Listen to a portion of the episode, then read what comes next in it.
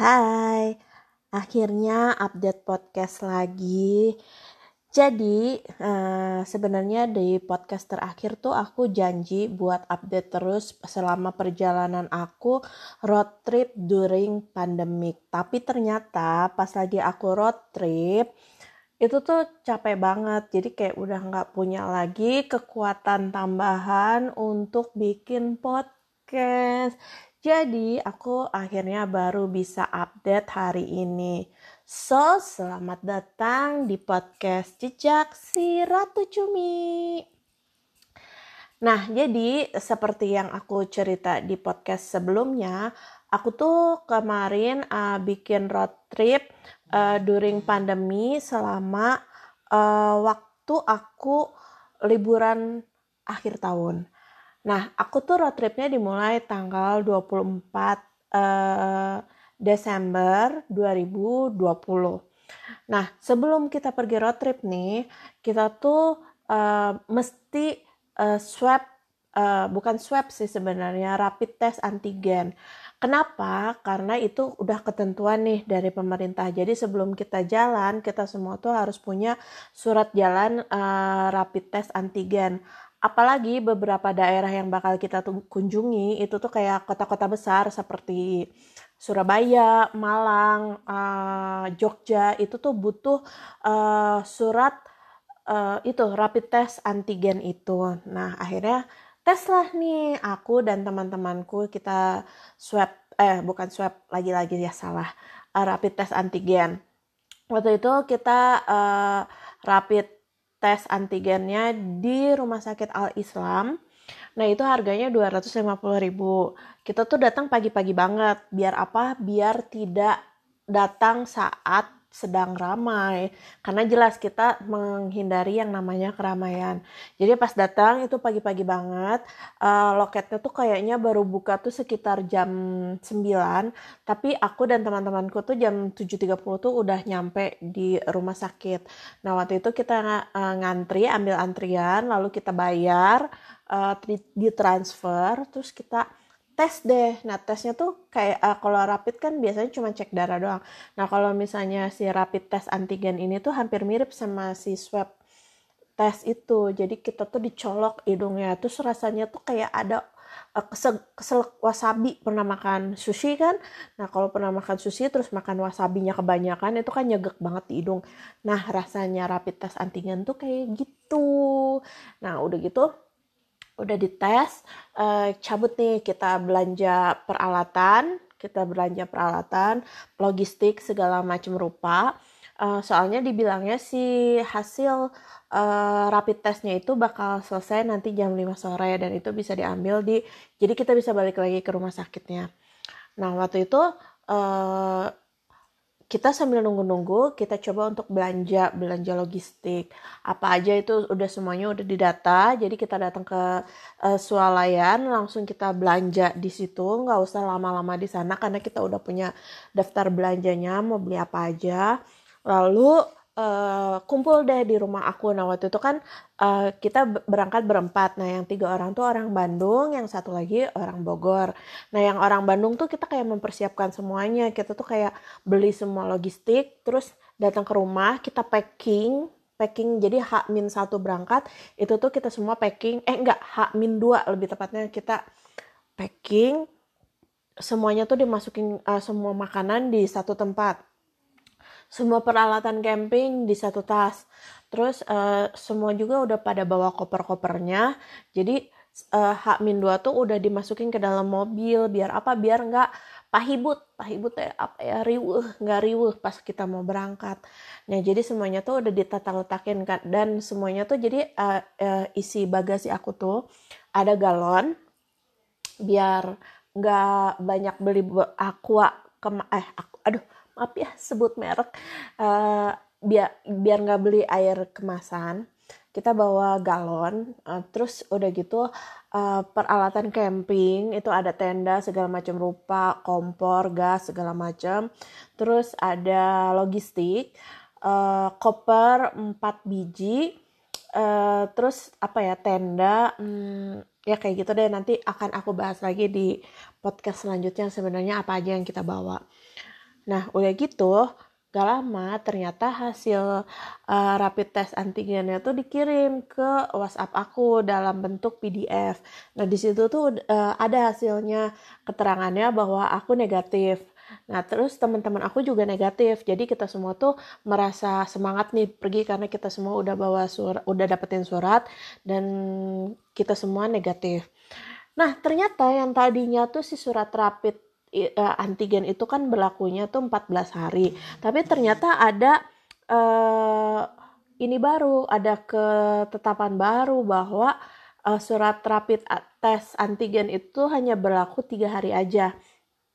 Jadi kita tuh sebenarnya harap-harap uh, bukan harap-harap cemas kita tuh cemas gitu saat lagi perjalanan jadi begitu nyampe uh, selama di perjalanan tuh kita selalu update update update apa ya uh, berita gitu. Terus terus ada teman aku kan yang misalnya yang di Malang dia tuh selalu update bilang kak kalau mau masuk Malang harus bawa rapid test dan rapid testnya harus H min sekian H min dua gitu.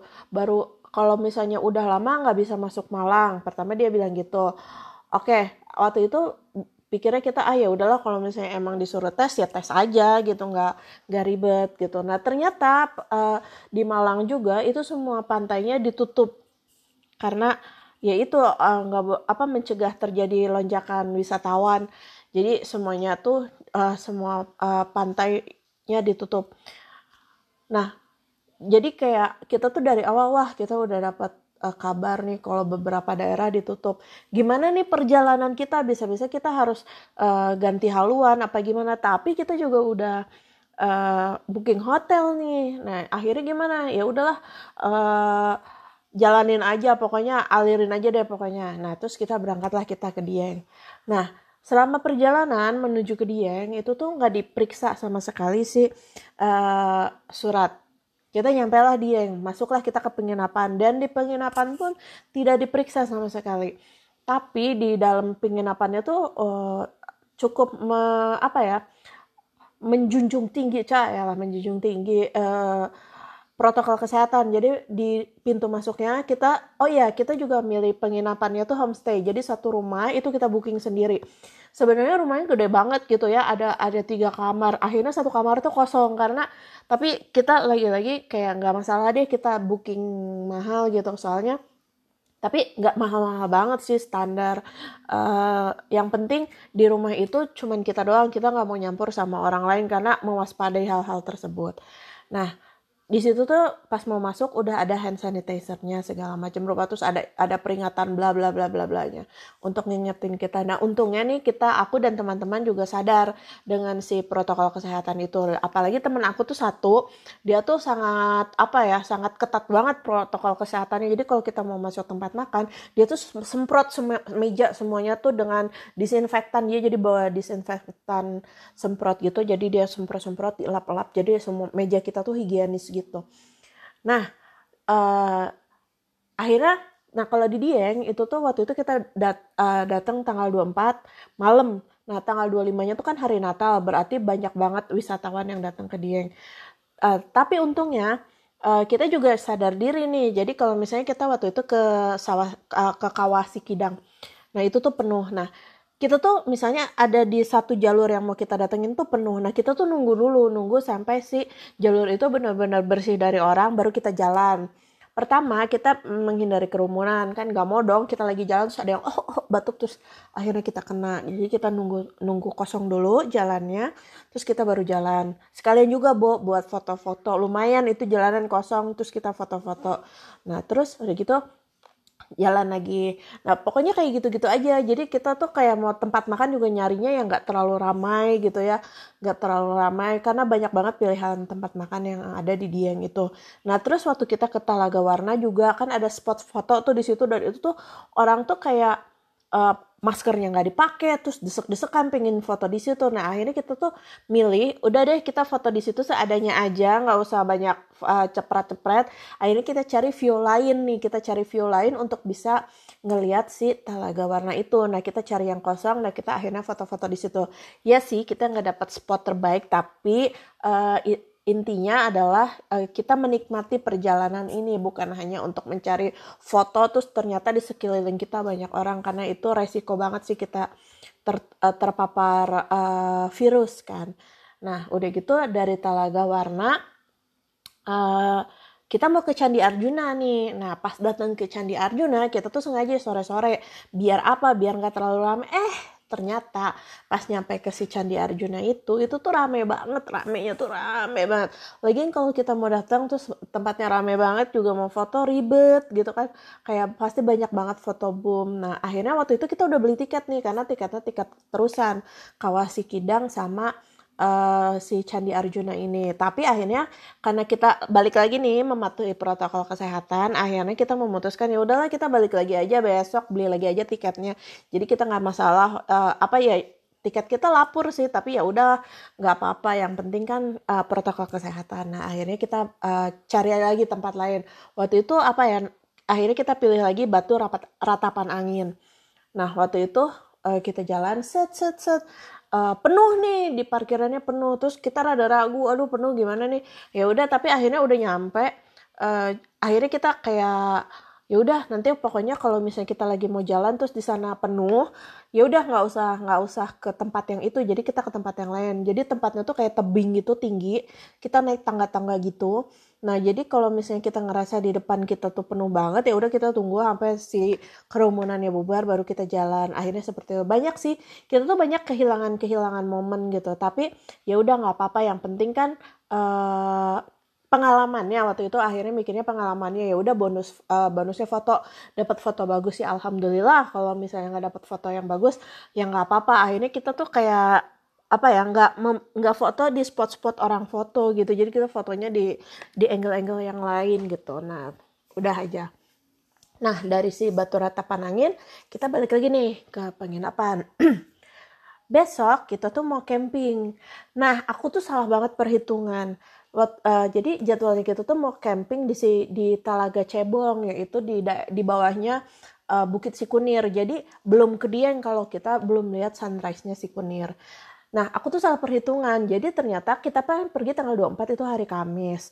Hari Jumatnya Natal. Nah, ternyata kita tuh mau camping tuh hari Sabtu. Dan kebayang dong kalau misalnya lagi long weekend gitu, terus kita camping. Nah, aku tuh pikirnya, oh ya udah lah ya tanggal 25 itu Natal berarti tanggal 26-nya orang udah nggak liburan gitu. Ternyata aku tuh salah nggak prediksi bahwa itu tuh hari Sabtu terus kayak gimana nih? Jadi nggak kita ke Sekidang eh ke Sekidang ke Sikunir gitu.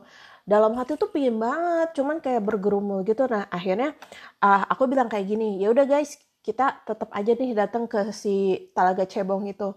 Uh, apa kalau misalnya di sana penuh oke okay, kita cabut gitu. Tapi kalau misalnya di sana tidak penuh oke okay, kita stay di situ datanglah kita nih ke si Talaga Cebong. Nah, perjalanan ke Talaga Cebong ini seru banget. Tapi nggak akan aku bahas di sini karena kita lagi ngebahas tentang si protokol kesehatannya dulu. Datang, uh, ternyata sepi. Nah itu tuh aku datang jam satu siang sepi. Terus kita tuh kayak ambil spot. Spotnya tuh kita ambil rada gede sekalian ya biar nggak biar nggak dempet-dempetan lagi sama tendanya orang. Jadi si tempatku aku bikin tenda di sebelahnya aku bikin lagi fly seat. Jadi nggak akan ada tenda yang berdiri di samping tendaku terus uh, dan di Talaga Cebong itu kita tuh bisa campingnya tuh di samping mobil gitu. Jadi kayak ya udahlah ya aman gitu. Jadi walaupun malamnya kita kena badai ya nggak masalah. Nanti aku akan ceritain tentang serunya si kena badai ini di Sikunir Nah, udah gitu karena badai nih, terus ya udahlah kita memutuskan ya udahlah kita nggak usah ngelihat sunrise di Sikunir karena pertama itu badai, cuacanya buruk banget dan itu anginnya parah banget ya. Jadi kita ya udahlah nggak usah ke Sikunir. Nah, tadinya tuh aku juga janjian nih sama temanku dari Wonosobo. Terus kita kabarin nih, di sini hujan gede banget, jangan ke sini deh nggak usah. Lagian kayaknya rame gitu, uh, bla bla bla bla gitu. Oh ya udah akhirnya gagal ketemuan. Nah besoknya akhirnya karena udah nggak ada niatan buat ngeliat uh, sunrise apa segala macam gitu. Aku bangun tetap pagi sama temenku. Nah kita bangun terus sarapan dua temenku uh, uh, ini banget pelor tukang molor ya. Nah kalau aku sama temen aku tuh bangunnya pagi terus. Nah terus kita, aku bangun pagi-pagi terus aku ngelihat danau uh, si Talaga Cebong itu itu tuh kabut semuanya. Terus aku pikir oh ya udahlah nggak masalah kita nggak naik ke atas soalnya kabut gitu ya. Nah terus aku tuh kayak ngopi-ngopi kan sama teman aku itu ngopi-ngopi ngopi-ngopi terus bosan karena nungguin si teman aku yang lagi pada nggak bangun-bangun itu akhirnya aku sama temanku tuh eh kita jalan-jalan yuk kelilingin telaga gitu ya nah waktu itu jalan-jalan lah kita berdua dengan dengan pakaian baru bangun tidur gitu ya uh, terus teman aku tuh pakai sendal lagi sendalnya sendal cewek lagi terus kita jalan cek cek cek cek eh ternyata kan jadi orang-orang tuh ke Sikunir tuh ngejar sunrise-nya ya. Dan itu tuh waktu jam 2 malam itu tuh penuh banget, penuh banget. Nah saat aku lagi jalan-jalan sama temanku itu, itu sekitar jam 8 pagi. Eh jam setengah 8 lah gitu. Itu tuh udah kosong. Jadi ternyata orang-orang tuh datang jam 2 malam, naik ke atas bukit, terus turun lagi, udah deh mereka pulang. Jadi pas kita mau jalan-jalan lah kosong nih. Nah terus kita jalan-jalan kan cek cek cek cek cek cek cek cek cek cek. Eh tiba-tiba udah di kaki bukit nih nih ternyata si jalurnya tuh gampang. Terus kosong pula nggak nggak nggak banyak orang. Nah eh kosong nih. Kita naik aja yuk. Kita kabarin ke mereka ke ke, ke teman-teman yang masih di tenda. Kita bakal naik Nah akhirnya kita naik nih ke Bukit Sikunir jalan hahaha sambil berdua aja nih jalan. Karena kosong banget jalurnya kosong. Terus pas udah nyampe di atas juga itu tuh kosong nggak ada nggak banyak orang gitu. Kayak cuman ada satu dua tiga empat lima gitu lah. Jadi si bukitnya tuh luas. Yang tadinya kalau misalnya kita lihat di foto-foto di Sikunir tuh orang bakal penuh ini tuh nggak kosong. Alhamdulillah. Tapi ya alhamdulillah juga kabut kan. Jadi tetap aja nggak kelihatan apa-apa. Tapi setidaknya aku udah pernah nyecep sih Bukit Sikunir. Nah, udah, udah foto-foto di di atas bukit yang penuh kabut itu, kita turun, gak kelihatan pemandangan apa-apa kan, yang penting udah naik aja gitu turun, gak ngejar apa-apa, gak ngejar momen sunrise-nya juga. Mungkin nanti suatu saat aku akan balik lagi. Nah, udah gitu kita turun, cabut nih ke Jepara. Nah, uh, pas mau cabut ke Jepara di tengah jalan tuh kita lewat Semarang. Eh lewat Semarang yuk, lihat Semarang yuk, mau makan lumpia gitu ya ya udah masuklah kita nih ke Semarang. Set pas di Semarang tuh jalan kayak mau ditutup gitu coy. Terus kan ribet ya nyariin masker terus kayak eh suratnya suratnya surat rapidnya gitu. Eh ternyata kita nggak diperiksa padahal ada patroli gitu masuk aja kita syur aja. Uh, terus eh untung untung gitu ya. Terus masuklah Semarang. Terus makanlah kita lumpia di sana gitu. Makan lumpia. Terus kita keluarlah dari Semarang. Terus jalanlah kita berpacu dengan apa um, melodi cah ya berpacu dengan melodi. Soalnya pengen ngejar sunset di si Jepara gitu. Tapi ternyata karena kita jalan santai gak dapat juga sih uh, sunsetnya.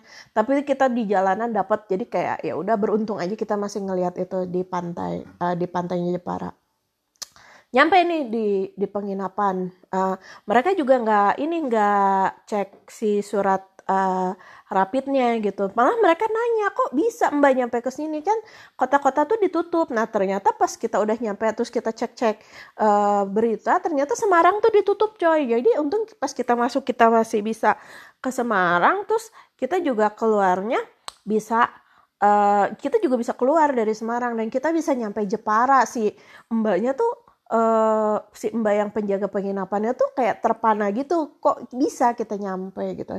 Tapi ya alhamdulillah uh, kita nyampe gitu. Terus kayak kita menikmatilah suasana si Jepara malam itu. Terus kita karena kosong ternyata kosong juga sih itu si penginapannya. Uh, apa jadi kita tuh kayak di pinggir pantai itu ada kayak gazebo gitu terus kita duduk-duduk uh, apa kan kita bawa peralatan camping nih terus kita masak-masak di situ sambil dengerin debur ombak terus udah gitu ngeliat purnama kayak oh pokoknya kayak menyenangkan deh gitu kosong juga nggak ada orang jadi kayak kita merasa ya kita aman sih uh, pas berada di Jepara ini. Nah, udah mau 20 menit aja kalau gitu nanti aku lanjutin ke uh, part 3-nya uh, cerita uh, jejak si Ratu Cumi uh, road trip during pandemi dari Jepara kita menuju ke Lasem dan Surabaya oke okay?